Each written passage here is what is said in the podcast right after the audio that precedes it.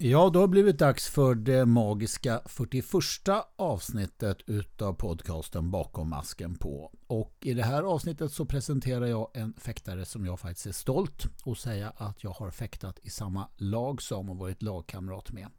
Det är nämligen Peter Vanku som är min gäst i det här avsnittet. Och eh, Peter var som fäktare en kille som tog det hela väldigt mycket på allvar och gick in väldigt seriöst för varje träning och varje tävling. Och man, man ville helt enkelt inte som lagmedlem slarva och, och lämna något åt slumpen eller, eller på något vis störa eh, fäktningen utan man ansträngde sig och försökte ta det lika allvarligt och göra det lika bra som Peter gjorde. Han var dessutom en stor peppare bredvid pisten och stöttade sina lagkamrater och såg till att de gav sitt bästa och tog ur den bästa fäktning de hade ur sig när man, när man hade Peter med i laget. Så att en bra lagfäktare, en bra individuell fäktare och en stor idrottsman faktiskt på det hela taget får man säga om Peter.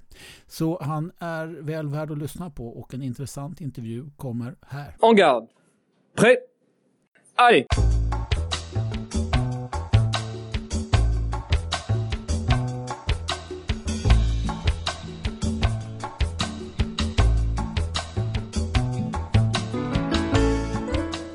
Hjärtligt välkommen till Bakom masken på Peter Vanky. Tack så mycket. Hur länge sedan är det som du hade masken på? Det var eh, 2006 eller 2007 senast jag hade en mask på huvudet. Ja, du är inte någon sån där som går ner på fäktsalen och fäktar med de gamla gamängerna och liksom sätter några stötar. Och... Nej men eh, jag, jag, jag, jag, hade kunnat bli så men sen visade sig ganska snabbt att jag ändå inte var en sån för att eh, jag slutade 2004 Mm. Så tänkte jag om lusten kommer tillbaka så börjar jag igen. Så jag fortsatte att träna 2004, 2005, 2006 var jag med på en världscupstävling då eh, här Challenge Bernadotte när ja. jag gick eh, fortfarande. Och, eh, och då tänkte jag, men två år, jag har inte tappat så mycket av fäktning, jag har fortsatt träna ändå tre gånger i veckan. Det, det borde gå, så jag var med där. Och det var värsta kallduschen. Motståndarna fäktade i, i, i, De var så snabba och allt som jag gjorde kändes som, som slow motion och, och, eh, och jag åkte ut innan 64-tablån kommer jag ihåg mot en ryss tror jag eh, med en stöt. Och jag var så frustrerad efteråt och så arg. Ja. Och, eh, och då kände jag så här, nej jag fixar inte det här. Att, att långsamt bli sämre och sämre och förlora fler och fler matcher. Så det var på något sätt spiken. Spiken i kistan. ja. ja. Men det går så fort. Ja, det, det, verkar som att det går snabbt. Eh, eh I varje fall eh, man tappar tajmingen tror, tror jag där och, och det, det, har väldigt stor betydelse på lite högre nivå. Så att eh, eh, ja, det hade kanske gått att få tillbaka men jag hade behövt liksom tävla mer och, och komma mer in i det. Det hade inte bara gått att liksom träna tre gånger i veckan lite grann sådär. Nej. Två år efter att man slutat sin aktiva karriär. Mm. Du, jag tänkte i alla fall börja från den allra första början när du började fäkta. Hur kom det sig att du och din storebror Farkas, att ni kom till fäktsalen? Ja men det, det, var ju vårt ungerska påbrå då att, att uh, ryktet gick ju att det fanns en uh, väldigt duktig och känd ungersk fäktmästare Bela Reric då uh, någonstans på andra sidan stan. Och, eh, och Men ni är uppvuxna i? Vi är uppvuxna i, i Vällingby Nälstaområdet mm, så det är mm. verkligen andra sidan stan eh, till Ropsten Hjorthagen. Men hur som helst så, så körde vår far oss till, till eh, Djurgårdens fäckklubb. Jag var sju år och mm. då borde min storebror vara, varit elva år. Och jag började på knattefäktning och gick där då en gång i veckan, eh, kanske två, nu minns jag inte riktigt. Mm. Men ungefär ett halvårs tid. Och, och, eh, eller ett år och sen så tröttnade jag och slutade då. Mm. Och provade på mm. andra idrotter mm. efter det. Och så kom jag tillbaks till fäktningen eh, till Djurgården när jag var ungefär 12-13 år. Men Farkas som var lite äldre, han höll på hela tiden. Va? Han gjorde inget sånt uppehåll. Precis, han fortsatte ja, hela tiden. Jag kommer ihåg när du var med där, liten blond lillebrorsa som hängde med i alldeles för stora fäktvästen som gick ner till knäna utav de här lånevästarna.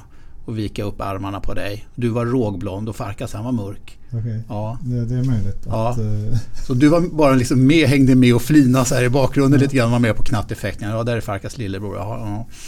Mm. Ja men så kan det ha varit. Ett års tid eh, höll det på. Mm, mm. Och sen, sen var du borta några år och så kom du tillbaka när du var början på tonåren. 12-13 Ja. år och, och, eh, och då fastnade jag för det. Och, eh, och så. Innan dess hann jag prova på tennis och, och, och lite fotboll och så. Mm.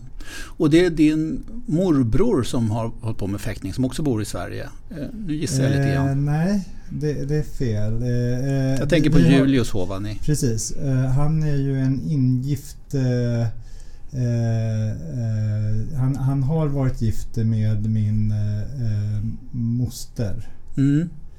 Eh, ja, han höll på med fäktning precis men min moster eh, var, vann ju juniormästerskap i fäktning. Mm. Eh, och och min, eh, min morbror som bor fortfarande i Ungern han, han håller ju på fortfarande att fäkta på veterantouren så att Mhm. det har funnits med fäktning i, i generationen Mm. ovanför mig i Mm. familjen. Absolut. Men dina kusiner av familjen Hovani, det är två stycken systrar och så Bensi som fäktar på Djurgården som nu var barn som håller på på Angard. Fäktklubb. Och så båda systrarna var Precis. duktiga fäkterskor, fäktade florett på Djurgården. Precis, och Ja. fick fäktstipendium och, och, och studerade i USA och bosatte sig Bosatte där. sig, är kvar i och, USA. Precis, Ja. och gift sig med amerikaner och, och, och, och bor där. Och det intressanta är att Kristina då, den yngsta i, i den syskonskaran, hon, hon har ju slutat eh, arbeta på universitetet som ekonom, för hon är utbildad ekonom och hon har startat en fäktklubb Mhm. och, och driver en fäktklubb tillsammans med sin man som är en för detta sabelfäktare. Så att, Var eh, någonstans är det?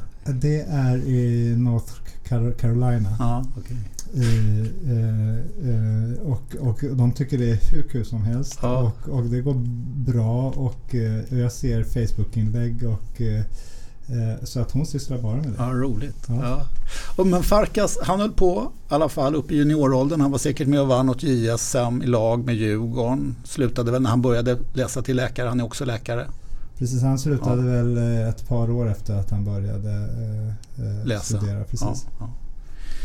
Så då, då blev, och jag, men jag minns, det var inte att vi betraktade det som här har vi fått in en supertalang. När Peter Wanki började fäkta så här i junioråldern. Nej, men jag kände mig nog inte heller som någon supertalang och så. Eh, eh, Men nej, nej, men det stämmer nog. Det var inte någon sån här man såg att oj den här pojken, han har, här sitter allting rätt. Här, han har gardställningen, han har tempot, han har armsträckningen. Det var inte så. Nej, men s- det, det kan nog stämma. Mm. Och du vann ett junior-SM. Väldigt tidigt ja. Ja. Ja, det var lite otippat för då, då, var ju, då var, hade jag fortfarande tre år kvar som junior. Så det var, Mm. det var en lite, lite oväntad framgång. Jag kommer ihåg att det var på Bosön. Eh, och den stora stjärnan då som förväntades vinna, det var Otto Drakenberg. Ja. Men, eh, men så lyckades jag vinna. Det fanns några fäktare från Umeå också som var väldigt segertippade och så. Mm. Eh, Var det det som lite grann tände gnistan ordentligt? Att du såg att du kunde bli bra? Jag har inget tydligt minne av vad som tände gnistan men, eh, men det, det, är lite grann som eh, när man vinner på lotteri. Vinner man bara någon enstaka gång så, så Ja. räcker det ganska, ganska Mm. länge för att Mm. man ska fortsätta och, och eh, hoppas på att det ska gå bättre och bättre. Ja. Du växte ju ganska fort också de här åren. Ja, Nu är, nu vad nästa... syftar du på? Jag, jag nästan vet vad Ja. du syftar på. Ja, jag vet, jag vet. Jag tänker faktiskt säga det. Jag vet att du inte gillar det. Vi kallar det för Bambi på isen. Ja. Och jag, jag vet inte vad det fanns för likheter. Det kanske du får förtydliga. Mm.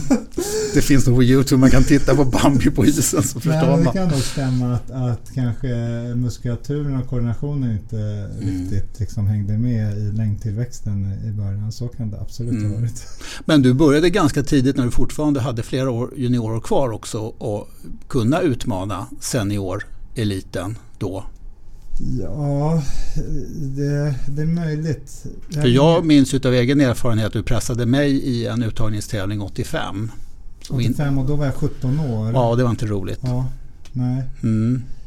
Eh, jag, jag, kommer, jag, hade, jag tänkte mer på eh, mina juniorkonkurrenter då. Och då, Mm. då hade jag ju de som var jämnåriga med mig eller ett år äldre. Och, och då, kommer ihåg att jag försökte kvala in till junior-VM 1986 men, eh, men eh, jag lyckades inte. Och det, var, det kommer jag ihåg att det var en, liksom en, en, en besvikelse och att jag var ledsen för det. Eh, Eh, eh, det var, och så, men samtidigt så så på något sätt så kände jag att eh, det blev en utmaning att istället ta sig, eh, komma med nästa år. Men mm. det, det, var första gången jag kände liksom att, att jag inte nådde något som jag hade hoppats på. Ja. Men då hade jag ändå fortfarande ytterligare två år till som junior. Ja. och kom du med på junior-VM då, då, 87? 87 kom jag med på junior-VM och det var väl det året som jag första gången liksom nådde en, eh, ett internationellt resultat på en juniorvärldscupstävling då jag då jag gick till, eh, till final eh, eh, i Frankrike och, och, tyckte, och, och, kände att det här kunde ju gå. Och sen kom jag med på junior-VM och det gick i Sao Paulo 87 och då lyckades jag gå till kvartsfinal, alltså bland de åtta bästa. Och, mm. Så det var, det var ändå en, mm. en liten framgång. Men 87 var inte bara en bra juniorsäsong. Du var ju faktiskt med på senior-VM det året också. Precis. Och då, då kvalade jag in på senior-VM och eh, det året. Så det var första året. Så då lossnade ju allting, allting eh, mm. hyfsat. Och då var jag 19 år. Ja. Mm. Och sen gjorde du alla VM fram till 2003. Mm. Precis. Mm. Så det blir ett par. Mm. Ganska slitstark karriär. Du, vi återkommer till det här med slitstark. Jag tänkte, det som jag tänkte komma in på det var ju, hur länge fäktade du lektioner med Bela och när började du gå över och fäkta med Göran Flodström? Ja, det, det var ju eh, ett skifte där och, och det var nog just där eh, precis eh, efter eh, efter där junior-VM-finalen eh, där 87. Mm, så ungefär, tidigt ändå? Där, där skedde bytet. Mm. För eh, Göran hade då kommit till klubben och han var även junioransvarig. Mm. Så att jag började smått lektionera med honom där på resor och, eh, och på träningsläger. Och sen så blev det en övergång där 87 mm helt och hållet till Göran. Mm. Alltså den lektionsgivning som ni utvecklade ganska mycket tillsammans har jag förstått på Göran. Eller han anpassade sin lektionsgivning väldigt mycket efter dina förutsättningar och efter din, din fysik. Jag har aldrig någonsin, det finns inte på Youtube att se, någon typ av sådana lektioner som ni fäktade eh, en dynamik i lektionerna och med ett avstånd som var eh, extremt långt. Där du påbörjar en attack och driver igenom en attack som pågår e-, e-, egentligen nästan hela pistens längd innan den avslutas med en flash eller liknande. Eh, jag reflekterade aldrig över det utan, utan jag kände att, att det var... Jag, jag kände direkt att, att det stämde med Göran bra och, och det, det, det, är säkert så att han anpassade sin, sin, sin liksom eh, undervisning till, till mina förutsättningar och försökte säkert ta fram det, det som han trodde på skulle funka för mig. Och så, så att det stämmer säkert men det var ingenting som jag reflekterade Nej. eller diskuterade någonsin med honom utan, utan det, han bestämde hur lektionen skulle vara. Mm. Varför där i början, mm. de första åren, absolut. Alltså det jag, jag kan i alla fall vittna om att jag aldrig sett några så eh, dynamiska lektioner och när man rör sig så snabbt och med en sån styrka så långt. Alltså det, det, man ser när man, de står stilla mer eller mindre och stöter på varandra på internet. Det ser ut som ultrarapid jämfört med de lektionerna var uppbyggda. Ja, det skulle vara mm. intressant att se någon film någon gång. Men ja. det finns ju inte. Men, Nej. Jag, men, men eh, för, ja, synd, det, det, är alltså. ingenting man tänker på då Nej. när man håller på själv. Mm. Eh, ja, eh, om man går vidare. Det vart OS i, i eh, Seoul 88. Var du med? Jag har här ett fusklapp. Det står 29, i lag, 29 eh, individuellt. Fäktade individuellt i alla fall där. Ni kom åtta i lag.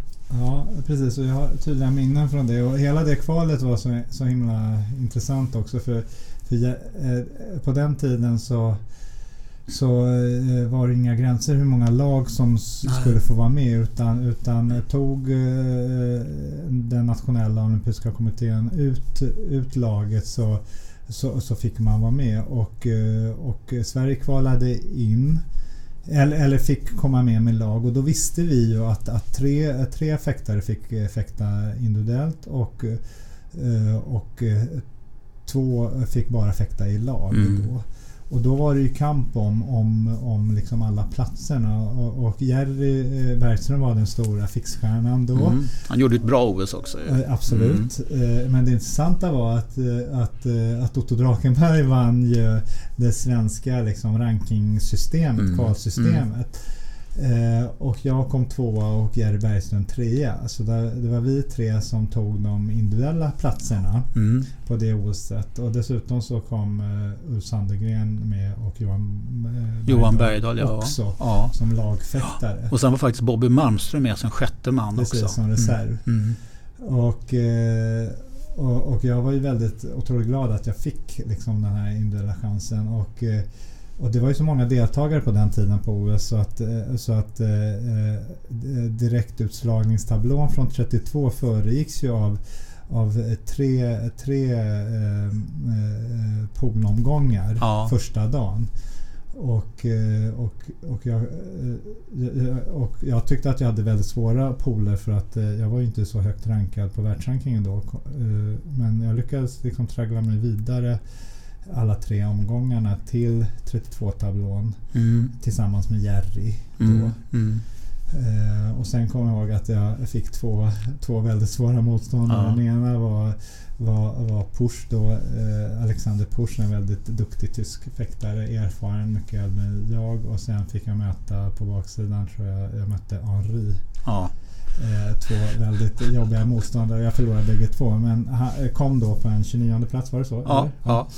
Vilket jag ändå på, på sätt och vis var, var ganska nöjd med. Mm. Eh, så jag var 20 år då. Mm.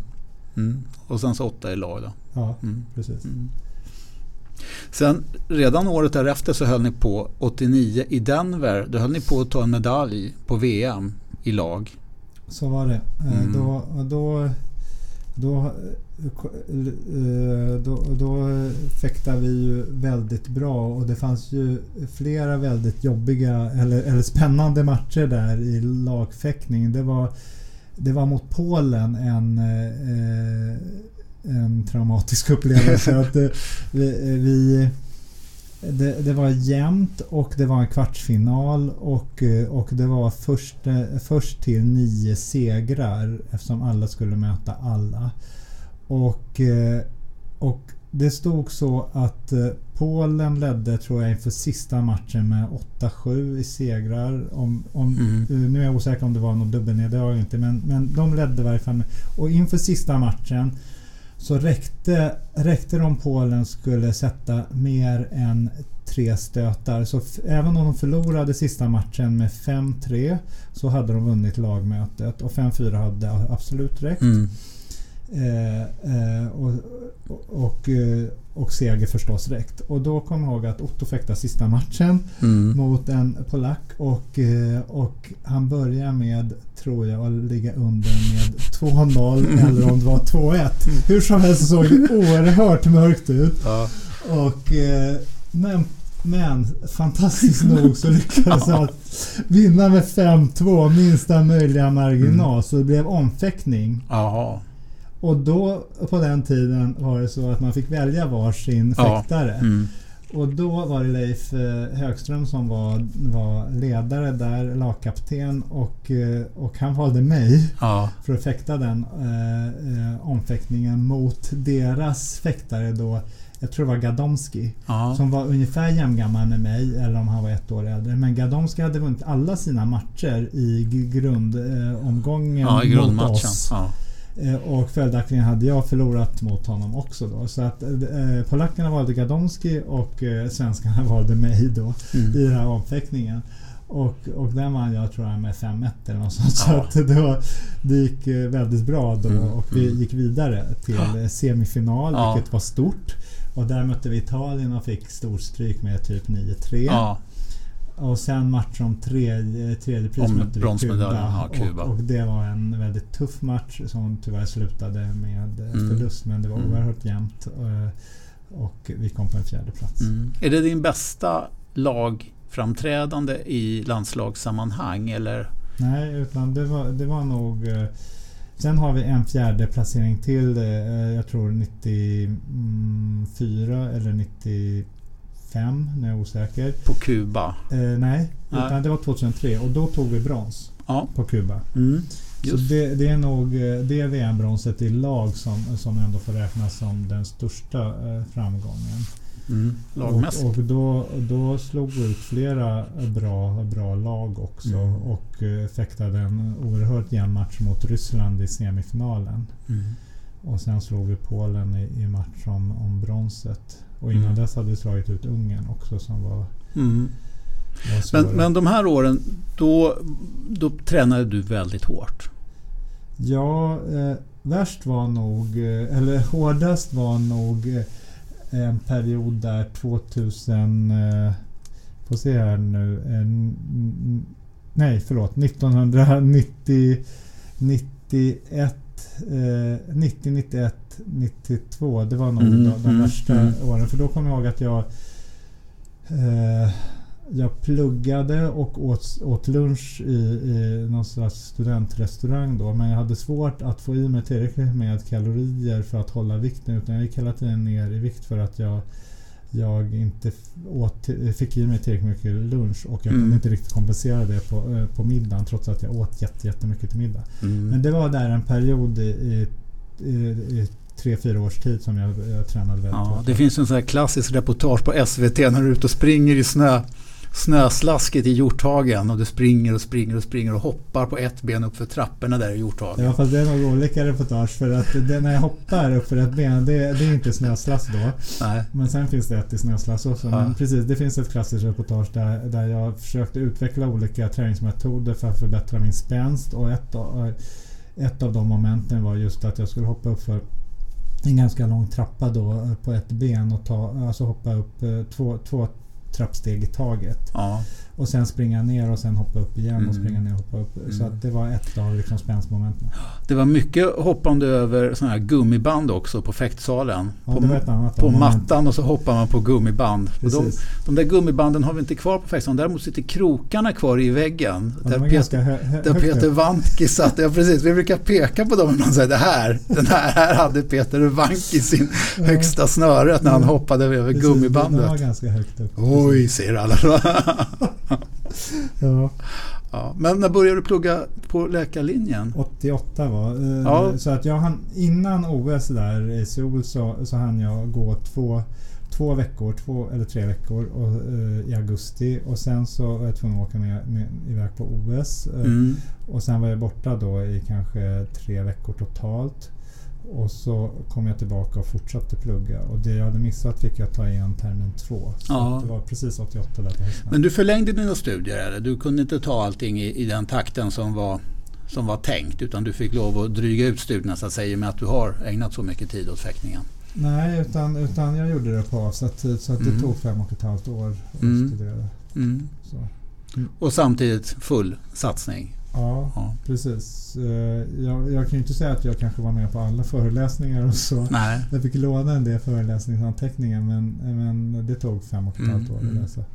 Sen när du kom in i laget där 87, då var det ju Benjamin i laget. Då var det som sagt Jerry som var den stora stjärnan och bestämde takten för allting. Och sen så växlade det här över.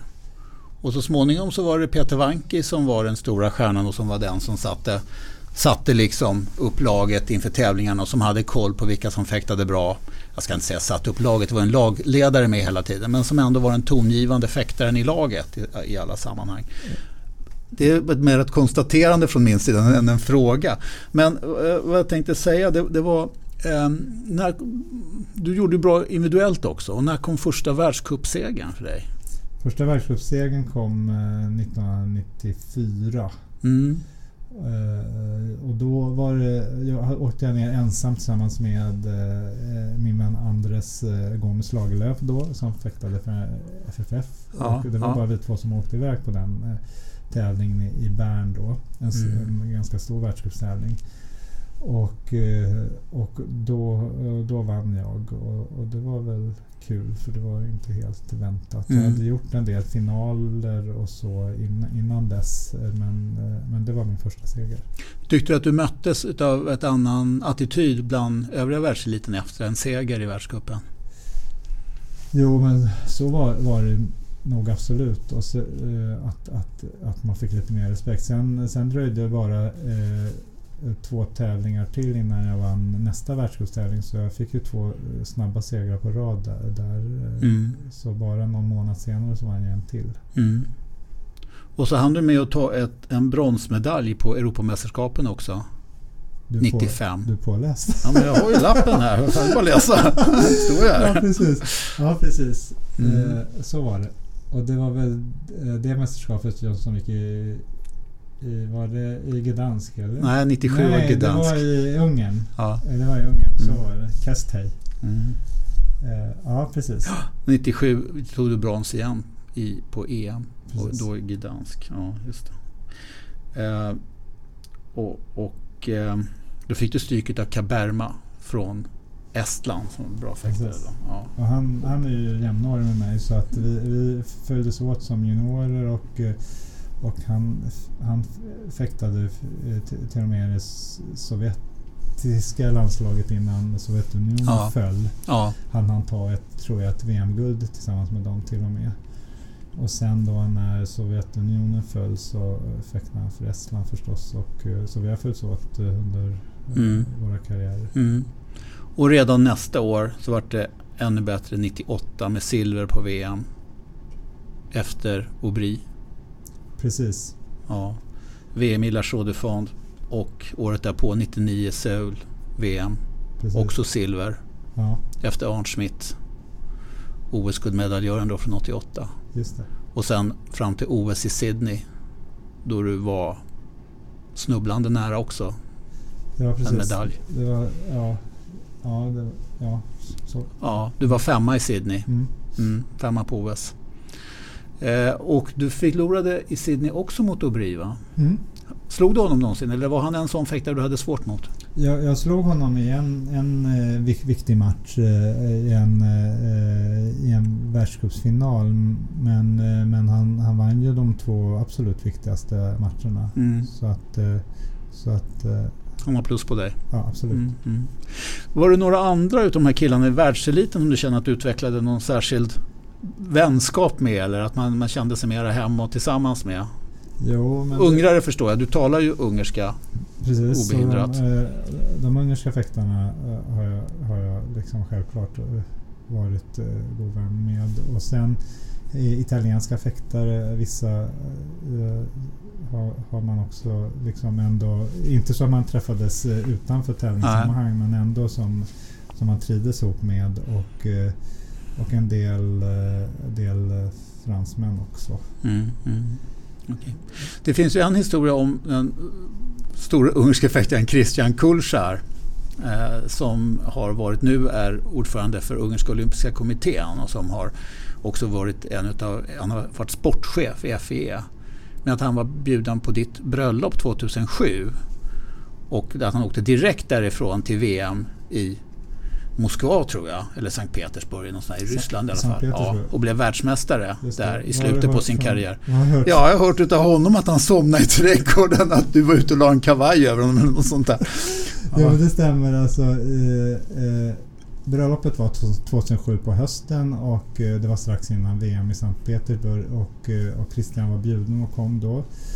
Eh, och och eh, han hade kul på bröllopet och det hade fler, fler hade kul och, och eh, men det kanske inte var de optimala för, Tydligen så var det optimala förberedelserna eh, då inför ett VM då om, eh, om man skulle rådfråga någon ledare, tränare kanske inte var så bra. Men hur som helst så för han sa att nej men jag, jag, jag satsar mest på lagfäktningen. Det, han- det var ändå slutet av hans karriär. Han hade aldrig tagit nå, någon individuell mästerskapsmedalj. Däremot hade de ju vunnit flera VM-guld i lag och två Mm, OS-silver också. Eh, och, eh, och så han sa så att ja, men individuella tävlingen är inte lika viktig som lagtävlingen. Så att jag åker mest på VM för lagets skull. Och, eh, så han åkte till Sankt Petersburg och, kanske inte så väl förberedd då efter den, det där bröllopet. Men, men det gick ju väldigt bra för honom. Och det, det som hör till den historien också att han från 128-tablån vann alla matcher med 15-14. Ja. Utom mm. finalen då, då han vann med 15-12. Mm. Och ibland ledde han med 14, 12, 14, 11 och så kom eh, motståndaren ikapp och, eh, och så avgjorde han med 15, 14. Ibland mm. låg han under 14, 13, 14, 12 så, och så kom han ikapp och vann 15-14. Han kände mm. att uh, han var så lugn och avslappnad och trygg i, i fäktningen så att uh, han kände att det var hans dag. Så han var mm. aldrig nervös för de där 14 nej, nej. Ja, det är otroligt. Du, när, när vi pratar OS då, då, 2000, Sydney. Det är då ditt tredje OS som du gör då. Du gjorde 88, 92, 96. 96 har vi hoppat över och talat om. Atlanta Precis. 96. Då hade vi stora förhoppningar på dig. Men det var ju med viss bitterhet som du fick stryket av då en helt ung och obeprövad ungrare. Precis. Som du hade tränat mot också. Så var det.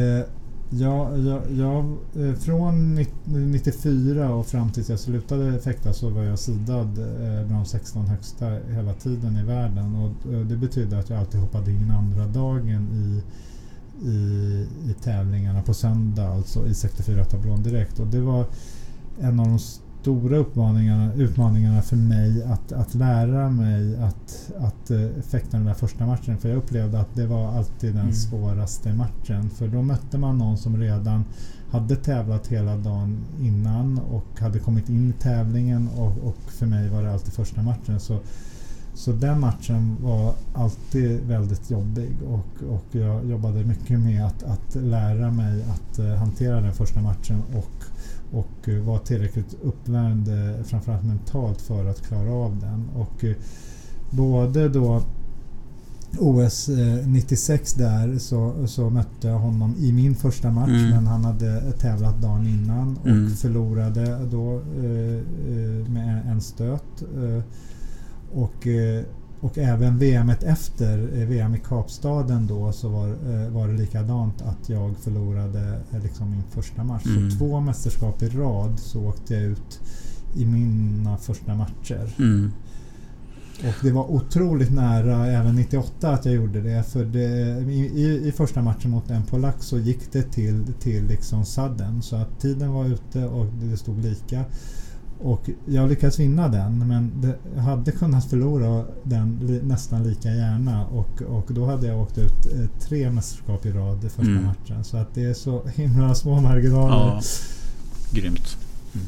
Men den, den, här som du mötte då, då i, i eh, Atlanta, det var ju Gesa Imre som avslutade sin egen karriär i Rio 2016. Då var han tävlingens äldste deltagare. När han mötte dig 96 var han tävlingens yngste deltagare mm. och tog en bronsmedalj. Precis. Och var jätteglad för den bromsen säkert. Absolut. Och nu i Rio 2016 så fick han en silvermedalj efter att ha lett sin match 14-11 eller 14-10 mot, mot Park. Mm. Tävlings yngsta deltagare. Just, ja. Precis, så att, eh, så att han, mm. har också, han har haft en fantastisk karriär och, och eh, och jag vet inte om han har tagit några mästerskapsmedaljer mellan OS-bronset där mm. eh, 96 och, och VM-guldet som han tog eh, 2000. Just det. Eh, vad blir det? Eh, ja, det var alldeles innan 15, 14, ja, 15. Ja, jag tror det. Ja. Mm. Så att, och sen tog han OS-silver så att hans avslutning är ju ja. helt äh, mag Och han var just det här att han var så pass ändå gammal för att vara elitfäktare så det var otroligt imponerande. Mm, mm. Men det var ju lustigt. Vi var ju nere ett stort sällskap i Ungern när Bela det året han skulle ha fyllt 100 år med massa gamla Djurgårdsfäktare. Vi var över 25 personer som var nere där. Och då var det en kille i gruppen, Alexander Oxenstierna, som gärna ville besöka Honveds fäktklubb i Budapest. Han, han sa det, Christian Kulscha var med och guidade oss. Han sa till Christian att kan vi inte besöka Honved? Jo, men det kan jag ordna, sa Christian. Så han ringde ett samtal. Och den han ringde till, som där på lördag förmiddagen fick åka in och stå och öppna dörren för oss på Honved, det var Imre. För han är ju chef på Honved. Dörröppnare och chef. Så är det. Ja i alla fall. Du, um, sen när, någonstans här, de här åren, så började du fäkta lektioner med Igor Chechinjov. Inte med Göran. Göran var väl... Han hade kroppsliga skador och hade ont i benen och grejer. Så du gick över och fäktade mera med Igor. Nej, det, nej, så var det inte riktigt. Men det var Mm. där, efter de här två, två matcherna som jag, jag eh, förlorade eh, alltså med, i, i, i både Kapstaden och på OS då, för Mm. mina första matcher i de två mästerskapen, så kände jag att jag behövde någon slags förändring. Och då då pratade jag med Igor och, och Göran och vi kom fram till den lösningen att, att, eh, att jag skulle ha bägge som effekttränare. Och eh, Göran skulle lägga mer grunden i början av säsongen, mer den fysiska biten och eh, snabbheten och uthålligheten. Medan då ju närmare vi, vi kom mästerskapet desto mer tog Igor över med mer teknisk eh, och psykologisk eh, eh, lektionering. Mm.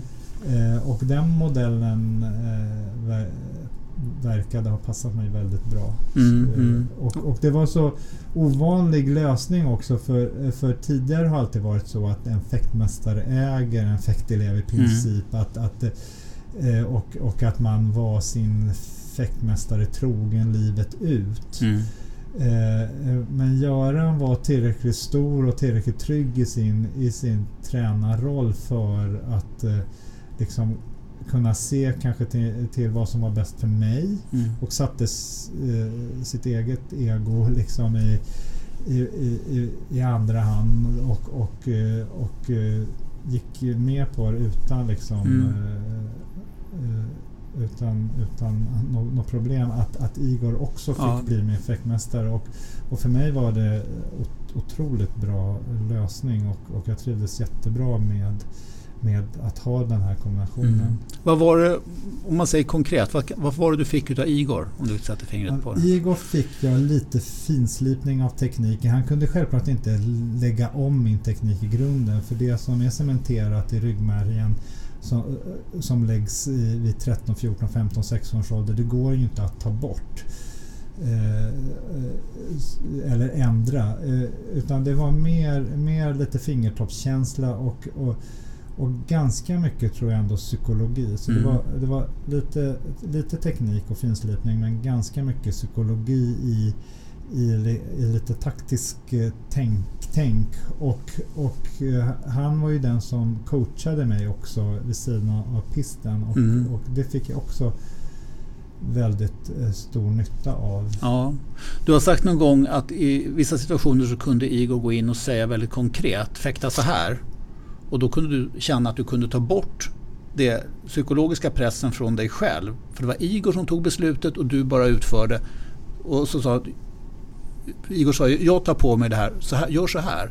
Och att det, du ändå kände att det lyfte bort någon form av press Precis, från dig som och- fäktare. Och, och, just så, så var det nog. För att eh, det, det kan ju bli väldigt pressade situationer i viktiga matcher. Och då, då att, att stå där ensam som fäktare och eh, fatta ett svårt beslut om, om man är ambivalent eller inte riktigt eh, vet hur man ska lösa situationen. Då, om, om tränaren då eh, tar på sig det ansvaret, lyfter av den pressen från, från fäktarna och säger så här att eh, att jag tycker att, vi ska, att du ska göra så här och eh, gör så här. Eh, Jag tar på mig ansvaret. Funkar det så är du, både du och jag jätteglada. Funkar det inte så är det mitt ansvar. Och, och, och det, det tror jag var väldigt bra i vissa situationer. Men självklart, det funkar ju bara om man har förtroende för Om man har varandra. 100% Absolut. förtroende och känner Annars varandras kapacitet Ja, och också varandras Och inställning. Ja. hade, Jag hade det för Mm. Igor. Så att eh, det, var, det funkade också väldigt bra. Mm.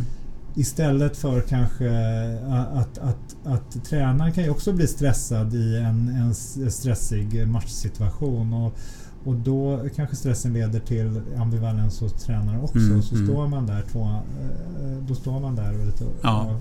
Och det, den osäkerheten kan ju föras över på fäktaren också. Ja, absolut. Mm. Men eh, så Göran var stor nog att kunna släppa det här. Men det fanns en annan i bakgrunden som inte var riktigt lika stor. ja, vi talar om vår Nej, ja, Bela. Precis, Be, ja. Bela Reddish. Och, och han, är ju, han är ju en väldigt stor person. Det går, det går inte att komma ifrån från den Mm. biten. Så att, det var verkligen han som fick mig att, att, att lära älska fäktningen och, och han, ha, han hade ju väldigt många eh, eh, väldigt mycket rätt om, om mm. många saker. Ja. Eh, eh, han var väldigt bra på att få folk att satsa och träna och bli kvar i fäkt mm. mm. i sporten. Och, och, eh, och han fick mig att vara det också. Men, men men det, det, som var synd det var att eh, ju äldre han blev, han kunde inte acceptera att, att han blev äldre och inte eh, kanske inte kunde vara tränare eh, för alla. Mm. Och, och, kanske inte att hans, hans träning och eh, metod inte passade alla. Och, och eh, att, att jag gick över till Göran var en liten nagel i ögat för honom. Mm. Men han kunde ändå acceptera det hyfsat till en början. För Göran var ändå hans elev och, och vi tränade på Djurgården och så. Men, men den nageln växte ju med mina framgångar. Mm. Och, eh, och då ble, växte ju konflikten mellan honom och mig tyvärr. Och sen då när jag dessutom började träna för, för Igor som inte ens var tränare på Djurgården. Mm. Då, då, var ju, då, då blev ju nageln en sten. Ja. och då, då, då, då funkade det inte så bra. Och, och, och jag kände tyvärr att att jag inte fick det stödet som jag kanske eh, tyckte att jag förtjänade och, eh, och behövde från, från klubben. Mm. Då när, när det var som mest där i, i slutet av 90-talet och början av 2000-talet. Mm. Med facit i hand så kanske det var ändå bäst som skedde. För att jag såg ju också klubben, vi hade ju ingen möjlighet att gå emot Bela. Han var ju, han var ju klubben. Och det som var tråkigast av allt det var att han var nästan eh, agerade nästan avundsjukt mot dina framgångar. Ja, men så, så kände jag också eh, tyvärr. Men, eh, och det var lite synd. Och, och det gick ju ut över Göran också. Mm, mm. Han fick ju också sin, sin, sin slev. Ja, ja. ja det, var, det var, för klubben så var det ju jobbiga år. Känner du att det påverkade din, din kapacitet som fäktare, själva den biten? Hade det varit bättre hade du varit bättre, gjort bättre resultat ifall det hade löpt smärtfritt allt det där? Uh, jag, vet, jag, vet, inte om jag vill spekulera att det hade gått bättre men jag vet att det tog mycket energi förstås. För att mm. Eh, de där åren när jag fortfarande tränade på Djurgården. Eh, det var sällan jag kunde gå, gå, gå till träning av, avslappnat och liksom fokusera 100% på bara träningen mm. varje gång. Utan det fanns det där i bakgrunden hela tiden. Så länge jag gjorde resultat och det gick bra så var det ganska tyst och lugnt för då fanns det ingenting att, att klaga på eller angripa. Men, eh, men minsta lilla dåliga resultat utnyttjades eh, mot mig. Mm. Och, och, det, var, och det, det, var ju, det tog energi. Mm. Och den energin hade jag kunnat liksom använda, använda bättre till, äh, bättre till mm. något annat. Mm. Men det, du gick ju inte till Uppsala och fäktade hos Igor sen utan då bröt du med Djurgården och gick till SAF. Just det, ja. eftersom jag kände att jag var tvungen att uh, träna på en Stockholmsklubb. Mm. Och då, då blev det SAF som var närmast i hands. Ja. Några andra fäktare gick med dig, bland annat Robert Dingel, nu med Brolin. Eh, så att då var det eh, en flyttning där utav, utav ett antal riktigt bra fäktare från Djurgården till SAF. Och eh, hur funkade det då? på SAF? Det Jo, men det, det, det funkade väldigt bra. Uh, Orvar var uh, Lindvall var ju effektmästare där och, och han tog emot oss med öppna armar. Och så fick, han fick ju tre, fyra, fem ja. effektare mm. på ett bräde. Så att det, det, fungerade ganska bra. Men han hade också lite svårt att låta Igor komma dit och, mm. och, och, och uh, ge oss lektion och så. Men han, han, var nog också tvungen att acceptera det. Mm. Så att så att vi tränade där från 2000 till eh, 2004 i princip. Ja, just det. Och du har vunnit lag för SAF några gånger. Precis. Två eller tre. Ja, något sånt. Och du har vunnit lag för Djurgården ett antal gånger också. Vet du hur många? Nej, det är ja. nog sju eller någon sån här, sju, åtta. Minst, ja. Du var ju faktiskt tillbaks till Djurgården sen och ja. vann ett lag-SM till i alla fall 2005 eller något sånt ja, där. Ja. Det stämmer. Och ett, en gång bara har du vunnit svenska mästerskapen individuellt. Precis. Ja. Vad var det som var i vägen där då? De andra? Nej, det var... Eh, jag har aldrig haft sådär superlätt mot svenska fäktare. Eh, och så. Eh, visst, jag vann en period när jag ganska många svenska uttagningstävlingar men, men SM blev det som sagt var absolut inte eh, mer än en. Ja. Men det var alltid någon som stod i, i vägen. Ibland Jerry, ibland Ulf Sandegren, ibland eh, någon annan. Mm. Så att eh, så var det. Och ibland ställde jag inte upp heller för att kanske krocka med någon med någon världscupstävling. världscup. Men, ja. En annan sak som du faktiskt har blivit premierad för det är fair play. Den generation som du och jag kommer på ägnade sig åt en helt del andra prylar på pisten än vad man gör idag. Än vad man har utrymme att göra idag. Precis. För det gavs utrymme då. Det fanns utrymme att hålla på med en hel del fusk. Ja. Och du har ju blivit, du har fått pris som fair play-pris. Ja, Ja. precis. Det var, det var ju en tävling i, i Qatar. Qatar, jag har för mig det. Ja. Qatar eh, tror jag att det var. Och, eh, och det var ju i semifinal och, eh, och jag, jag fick en stöt tilldömd i en närkampssituation. Och, men jag visste att jag hade råkat sticka mig själv i foten eller låret så att jag, jag sa att jag inte ville ha den Mm. stöten och, och då, då togs det bort och sen så förlorade jag den semifinalmatchen också. Men det var eh, efter den situationen som jag fick. Mm, men det blev mycket uppmärksammat ändå i effektvärlden just Ja. att man ger en stöt för att man vet att man har gjort ett fel. Ja, Det är många som skulle gladeligen ha stoppat den där stöten i fickan och sett ut som, som ingenting. Eh, ingen nämnd och ingen glömd. Mm. Du, ehm, om man pratar fäktning igen då. Din, om du tittar på dig själv som fäktare, skulle du vilja beskriva din egen stil? Och vad, och vad du försökte göra? jag försökte fäkta en slags liksom, eh, offensiv eh, kontringsfäktning. Mm. Eh, inte så jättetekniskt men eh, snarare kanske eh, snabbhet och kontring och, och sätta motståndaren under press. Så, antingen att motståndaren gjorde eh, misstag eller att jag kunde Mm. göra en kontring. Mm. Och du slog egentligen alla i hela världsliten de här åren. Som du var i världsliten. Du Jag har... vet inte om jag slog alla. Jag, eh, jag var ju en kort period rankad detta i världen under Ja. två månaders tid 2001. eh, Men, eh, men eh, den, den funkar ju den funkar ju bra mot, mot många men jag hade ju självklart en del fäktare som jag Mm. hade jätte, jättesvårt att slå. Som jag nästan aldrig slog i någon viktig match. Mm. Och om man tittar till nation så fanns det en nation som jag hade överlägset svårast mot. Kan du gissa vilken det är? Ungern skulle jag gissa då. Nej, tysk, tyska fäktare Mhm. generellt hade Mm, jag mm. jättesvårt för. Mm. De som fäktade typiskt tyskt, det vill säga ganska fysiskt, kantigt, gav inte liksom något tempo för mig att, att, Nej. att kontra på. Och som var ganska paratsäkra hade jag jättesvårt Mm, mot. mm, mm. Om du skulle säga den bästa fäktare som du mött, som du själv? Som jag själv har Ja, mött. ja. Ja men alltså jag hade ju turen och oturen att få fäkta med vad jag anser eh, bland de bästa genom tiderna. Eh, och, och det, var, det är ju Pavel Kolovkov, Mm. Ryssland och Arn Schmidt Mm. eh, och eh, Angelo Mazzoni och Erik Schrecki. Mm. Och några är ju några år äldre än, än, än jag är och, och, och Kolovkov är yngre. samma generation som, som jag. Men jag har tävlat väldigt många år parallellt med de här och, och de här fyra var ju enastående fäktare. Så Mm. det har varit en stor ära att få fäkta samtidigt med dem. Och, Mm. och både slå dem men ofta få stryk av dem också förstås. Hur mycket följer du med fäktningen någonting idag?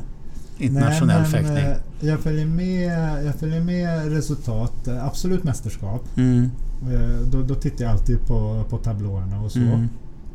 OS absolut och VM absolut. Om det går så försöker jag följa eh, live.